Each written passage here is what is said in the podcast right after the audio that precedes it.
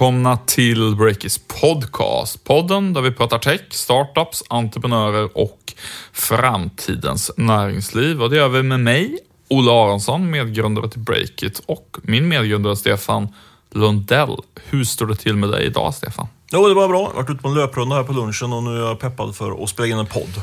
Härligt. Själv åt jag lunch på en sämre hamburgerrestaurang, så du har liksom eh, du har en upp på mig hälsomässigt idag där kan man säga. Härligt. Uh, du, I det här avsnittet som spelas in onsdagen 14 februari så kan vi avslöja att uh, två av Sveriges uh, mest, upp, vad ska man säga, mest hypade techbolag, Capital och Readly, de är på väg mot börsen båda två. men först så ska de hämta in några hundra miljoner i friskt riskkapital. Mer om det senare. Eh, och sen så verkar det minst sagt skakigt i ytterligare ett synnerligen omskrivet startupbolag, Universal Avenue.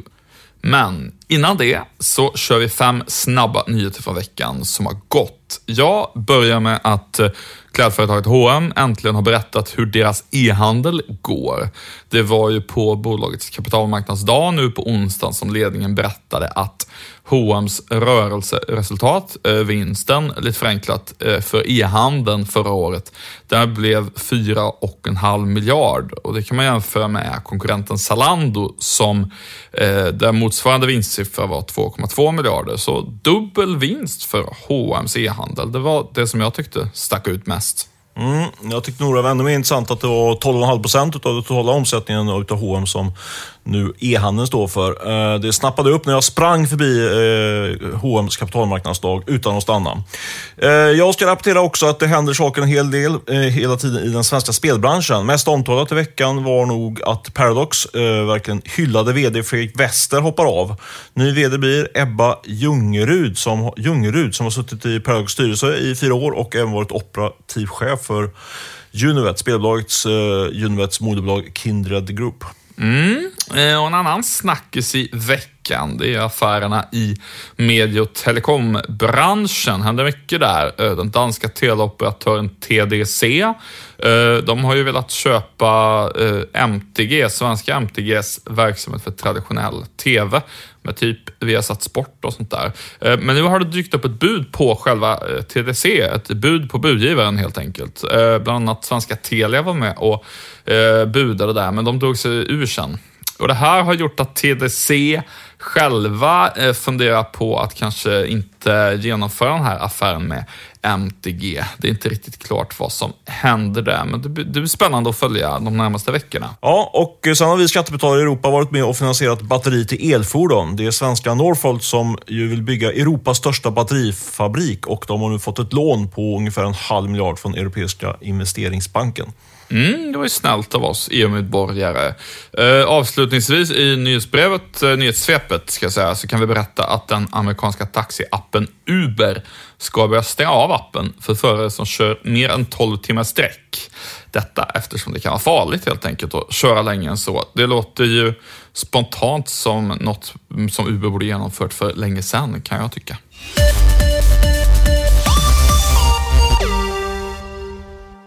Huvudsponsor för podden är hostingexperterna på Rackfish. Och ett ganska vanligt kundsamtal till Rackfish eh, är när någons Wordpress-sida blir tackad och man lite grann i panik ringer för att få hjälp. Oftast är orsaken att man inte hållit allt uppdaterat, vilket gör att sidan då blir mottaglig för olika typer av hackerattacker. Mm, och givetvis så hjälper Rackfish till eh, med att lösa det här problemet när det uppstår, men de har också en tjänst som gör att du som använder Wordpress, vilket väldigt många i världen gör, kan slappna av och vara förvissad om att din sida alltid är uppdaterad. Eh, dessutom får du något som kallas för en Web Application Firewall som skydda själva sajten och så får du dubbel backup också för snabba återställningar ifall det ändå skulle hända någonting. Och den här tjänsten heter Manage Wordpress Hosting och finns från det facila priset av en halvtimmes jobb i månaden.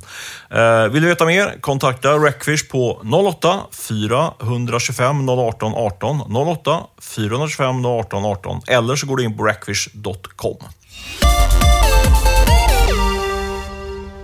Stefan, eh, det här känns som en gammal klassiker i våran podd. Du har lite heta nyheter om Readly, som vi avslöjade nyheter om eh, redan när vi poddade ihop för vadå, tre och ett halvt år sedan kanske? Ja, åtminstone. Jag minns tydligt att jag var väldigt exalterad över Readly, som man kan kalla som för ett slags Spotify för magasin. Man kan så läsa massa eh, olika tidningsmagasin eh, via den här tjänsten digitalt. Då. Och jag blev verkligen helt såld på den här tjänsten när jag träffade vdn Per Hellberg då, för typ ja, fyra, fem år sedan tror jag det var. Eh, där han pitchade det här bolaget för mig.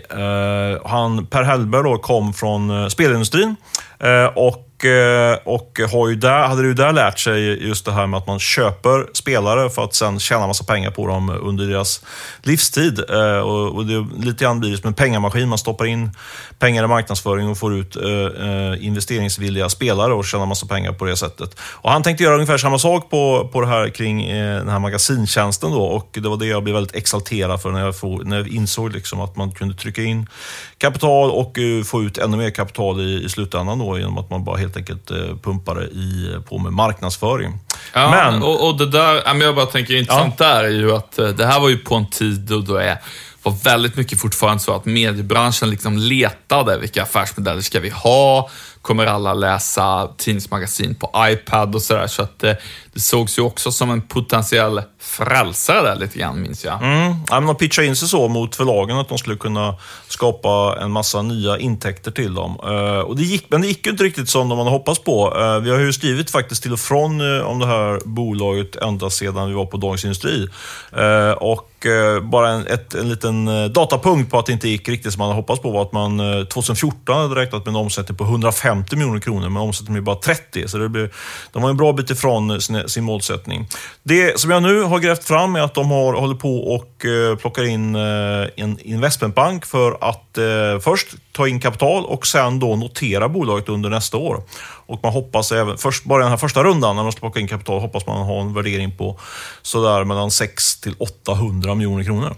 Oj då, det var lite oväntat för mig. Tror du att investerarna är sugna på Readly? Ja, men den är ganska så eh, övertygande den där pitchen som jag har fått draget för mig i andra och tredje hand kan man säga. Eh, och det går ju att sälja in det mesta här idag. Så det, de, de har ju högt, högt ställda planer på, på omsättning och resultatutveckling och sådär. Så det, vi får väl se. Det jag, det jag framförallt tyckte var intressant när jag, när jag tittade lite närmare på deras modell och så, det är att man kunde utläsa vad varje kund var värd under, ett, under en livstid, så att säga, när man plockar in en kund. Hur mycket pengar, för nu har de varit igång rätt länge, så kan de ju räkna ganska så eh, seriöst och objektivt på det där. Eh, och så här, datapunkten är alltså att de, det kost, de kan, varje, varje kund kommer de dra in ungefär 4 000 spänn på under en livstid. Och det kostar då för att rekrytera in en sån kund ungefär 300 kronor. Så då förstår man ju liksom att, eh, att det finns en potential. Så jag är lite grann på väg att gå på, om man nu får säga så, Per Hellbergs argumentation igen. Jag tycker att det känns som en lina, lite frestande faktiskt ändå. Just det. Ja, och där ska man ju säga då att eh, vad Readly gjorde från början, det var ju att de gick ut och sa ja, men ungefär sådär att vi, vi tror att vi investerar mycket i marknadsföring nu och då får vi en användare och de har så långt livstidsvärde så att det, det är bara att tuta och köra.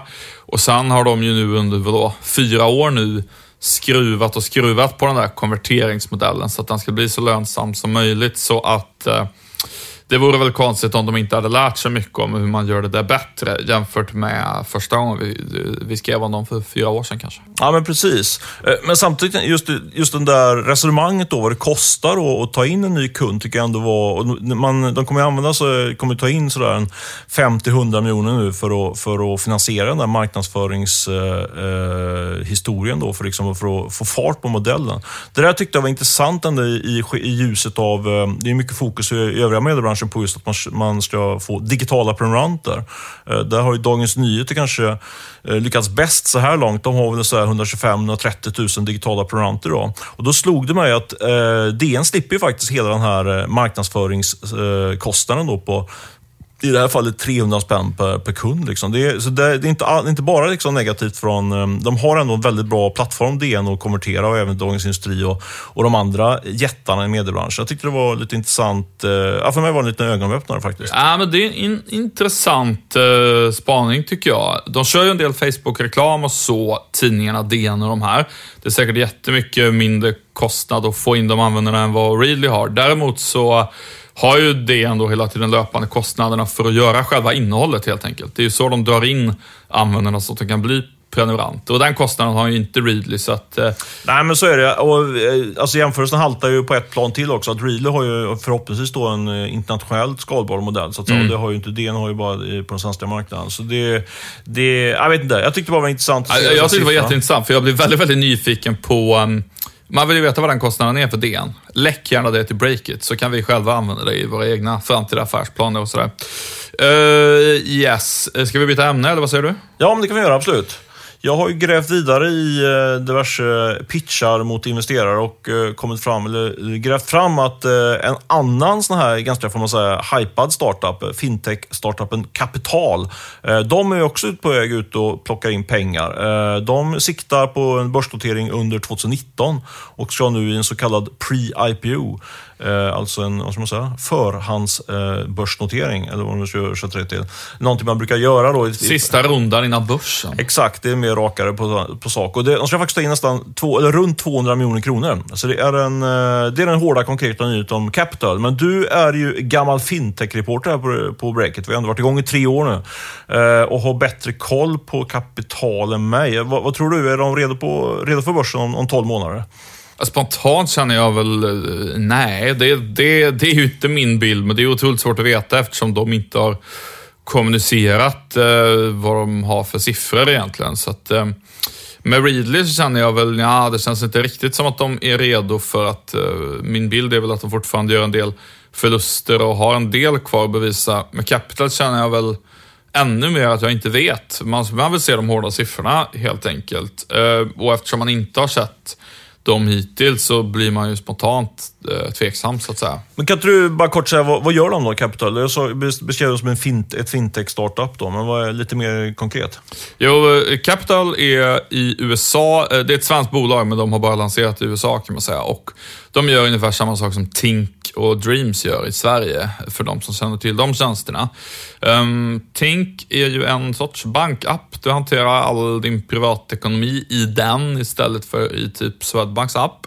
Uh, Dreams, som väl kanske påminner ännu mer så som Capital jobbar, det är ju också en bankapp för din privatekonomi, men skillnaden är det där att de är väldigt inspirerade av såna beteendevetenskap, hur man kan motivera folk till att spara och så. Och då jobbar både Dreams och Capital då, till exempel med att eh, skippa kaffen på Starbucks varje dag och eh, kasta in de pengarna i ditt sparande till en surfresa istället. Det är liksom en annan metodik för att motivera folk helt enkelt. Eh, och det där gör Capital. De har ju satsat på ehm, den amerikanska marknaden, men det är svenska grundare och sådär och svenska investerare i form av Northzone som är med där. Vad kommer det sig att de gick in eh, på amerikanska marknaden? Det låter som en rätt tuff omväg, liksom, när man är ett svenskt team och så.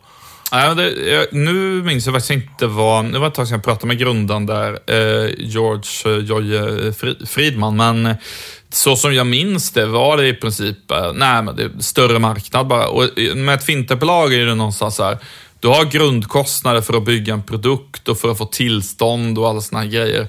Och efter det, när du ska skala upp det, så... Eh, ja, alltså det är nog ingen slump att svenska fintechbolag börjar titta på Tyskland och Storbritannien och sådär också. Det större marknader helt enkelt. I synnerhet eh, privatmarknaden blir ju väldigt mycket större i USA. Ehm, mm, så att, så är det. Det som jag tycker är intressant där, det är att med alla de här bolagen i, ehm, i Europa och i, i Sverige då inte minst, så när man pratar med dem om vad är på gång så säger de att ah, det är PSD2, det här nya betaltjänstdirektivet inom EU det kommer tvinga bankerna att lämna ifrån sig mycket mer data till startups och så vidare. Och det kommer öppna helt nya möjligheter för innovation och för att konkurrera med bankerna och så. I USA har du ju inte det här PSD2-direktivet, så en grej som... Det är lite upp till bevis för det nu när det ska implementeras. I, i år då är det väl... Alltså kommer Europa få en helt annan typ av fintech-industri på grund av att vi har det? Kommer Tinko Dreams och de här lyckas bättre eller sämre än Capital på grund av regleringarna. Det, det vet vi ju inget om än, men det, det, det ska men, är, men, är, men är liksom äh, grundcaset att det är inom citationstecken lättare att etablera en sån här äh, tjänst i Europa då? Eller är det så att det, det här hindret inte finns ens i USA? Ja, men man kan väl säga så här att du kan ju fortfarande alltid göra samarbetsavtal med banker.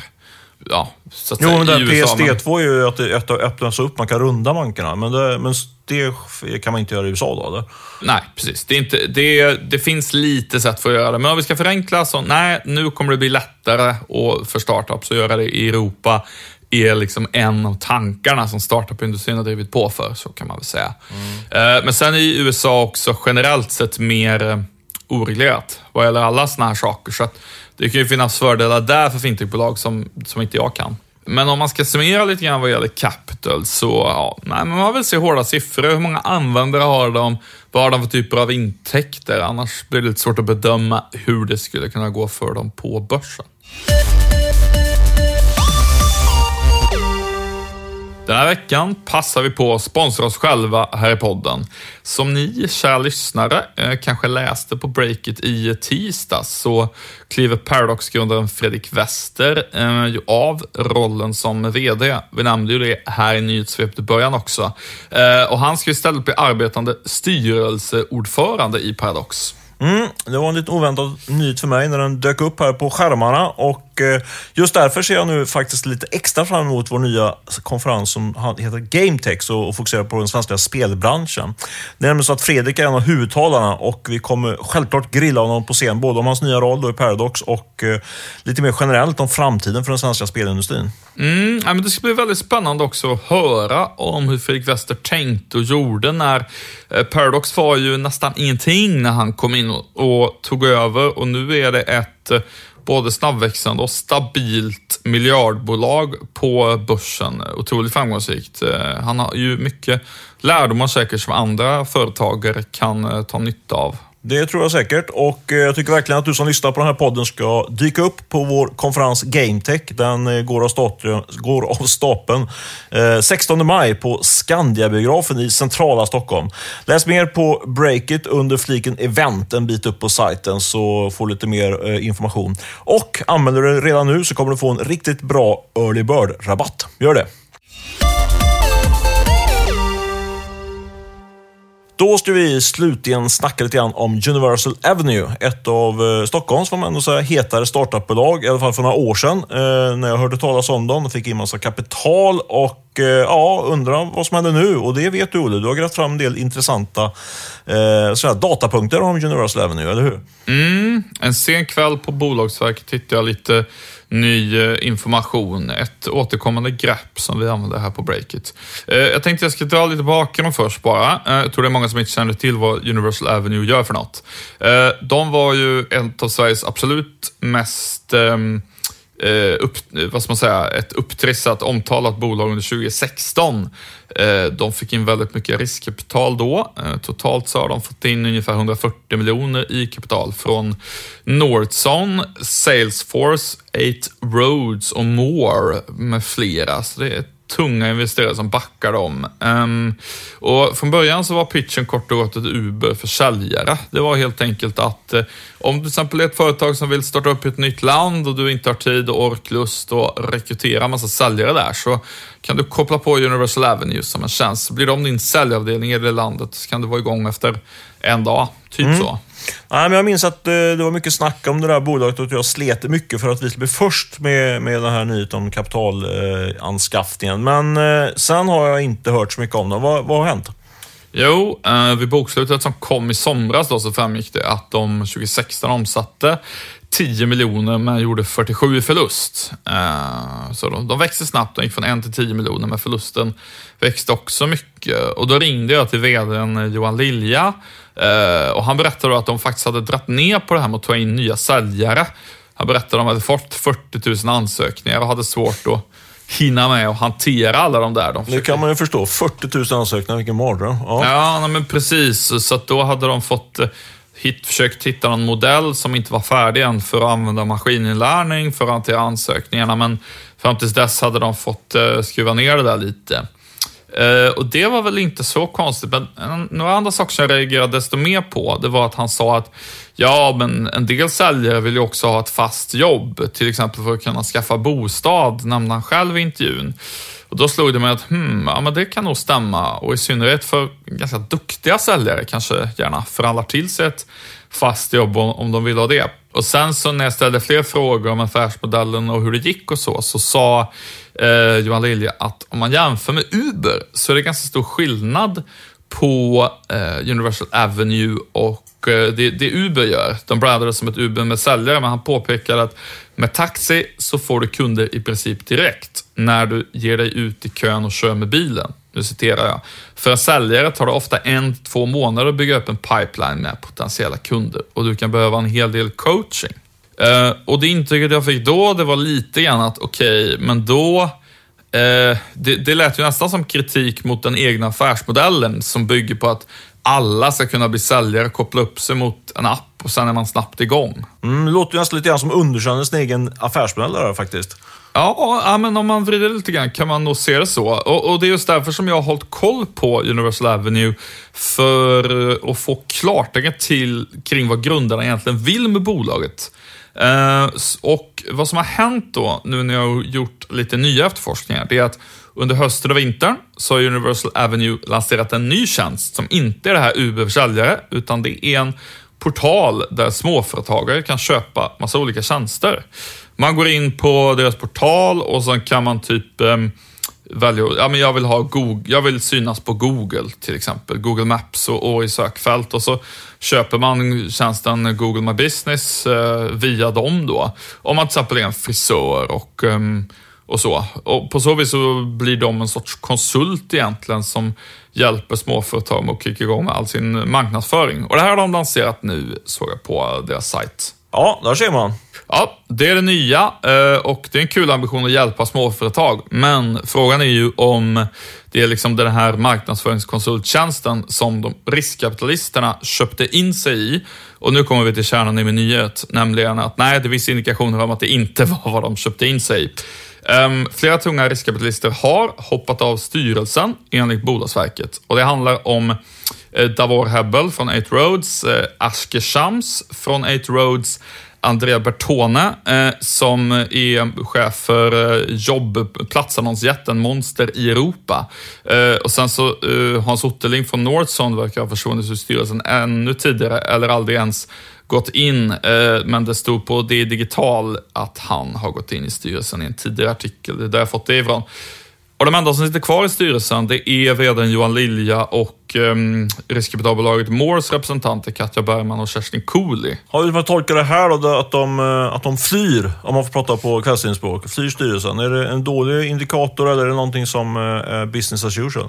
Ja, jag skulle säga att jag tycker det här är en ganska dålig indikator faktiskt. Um, de här tunga personerna från utländska riskkapitalbolag de går in i styrelsen och sen ett år senare ungefär så försvinner de ur styrelsen.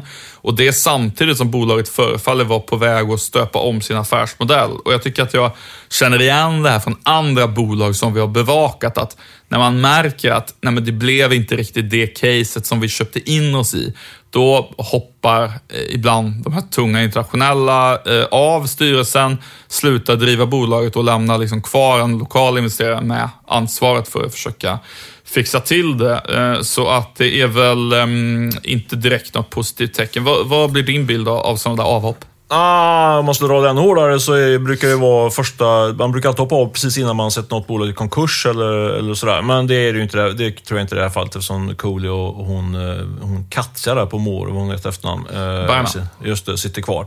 Men eh, nej, det är väl inte jättebra vibbar kring, eh, kring det här. Det såg ut som det skulle kunna bli något riktigt stort och nu är det mer någon form av konsult eller säljbolag. Så ja, det, förslagsvis så ringer du väl VD Johan Lilja och, och reder ut mer exakt. Men eh, så här långt så, så har han väl en del att, att bevisa gissa kan man säga innan det blir en positiv artikel kring det här. Mm, eh, och givetvis så har jag ju ringt honom och smsat, men han har inte återkommit eh, innan denna podds Det är också ett dåligt tecken att man inte ringer tillbaka. Men du kanske inte, det var kanske inte så länge, ring, länge sedan du ringde honom. Men ni får följa det på, på, på eh, breaket helt enkelt. Jag misstänker att du kommer författa en artikel i detta ämnet eh, i, inom en snar framtid. Du, det blir väl dags att, att runda av för oss. Vi ska först och främst såklart tacka vår huvudsponsor Rackfish. Och vi tackar också Beppo, som, eh, Beppo Djurproduktion, som hjälpte oss klipper det här avsnittet. Sen måste vi också flagga för, eh, puffa för att eh, vår eminenta reporterkollega Erik Wisterberg. Han är nu på plats i Nairobi i eh, Kenya. Följ honom på Instagram. Väldigt underhållande Instagram-fida faktiskt, måste jag säga. Så det, det är eh, lite spännande. Det kommer såklart bli en del artiklar av det där besöket i, på plats i Kenya också. Yes, och vi, kan intyga att det inte är ett fake-konto. Jag undrar, har de stängt ner förresten vårt, eh, vårt fake Instagram-konto som vi gjort ett gräv kring? Eller finns det kvar? Det finns kvar och det, det kommer fortsättning följer där. Det får vara lite hemlighetsfull, men det finns, vi håller på att jobba på det Det roligt. bli Du får inte berätta någonting för mig. Håll det Nej, hemligt tänker även för mig. göra. Jag vill bara veta det som, som läsare. Absolut. Eh, härligt. Eh, ta hand om er så hörs vi nästa vecka, helt enkelt. Hej då!